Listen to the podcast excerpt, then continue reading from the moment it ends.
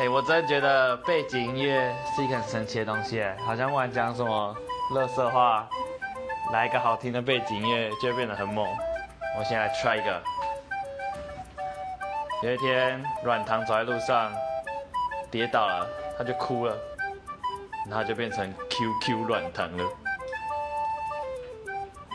怎样，不错吧？哪个部分啊？原来是 QQ 软糖的部分啊！